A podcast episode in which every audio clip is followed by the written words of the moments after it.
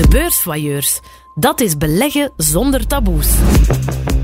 Elke week blik ik samen met twee topanalisten van de tijd terug op de belangrijkste momenten van de week. De beurzen in Europa min 10% op weekbasis. Hoe vaak maken we dat mee? Kijken we vooruit naar wat komt. Het schuldenprobleem van heel de wereld. Het was een stukje van die rotte appel dat onze wereld is.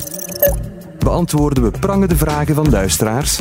Ja, waarom zou ik nog beleggingsadviseurs betalen als ik gewoon een tracker kan volgen? En duiken we in de portefeuille van een bekende belegger.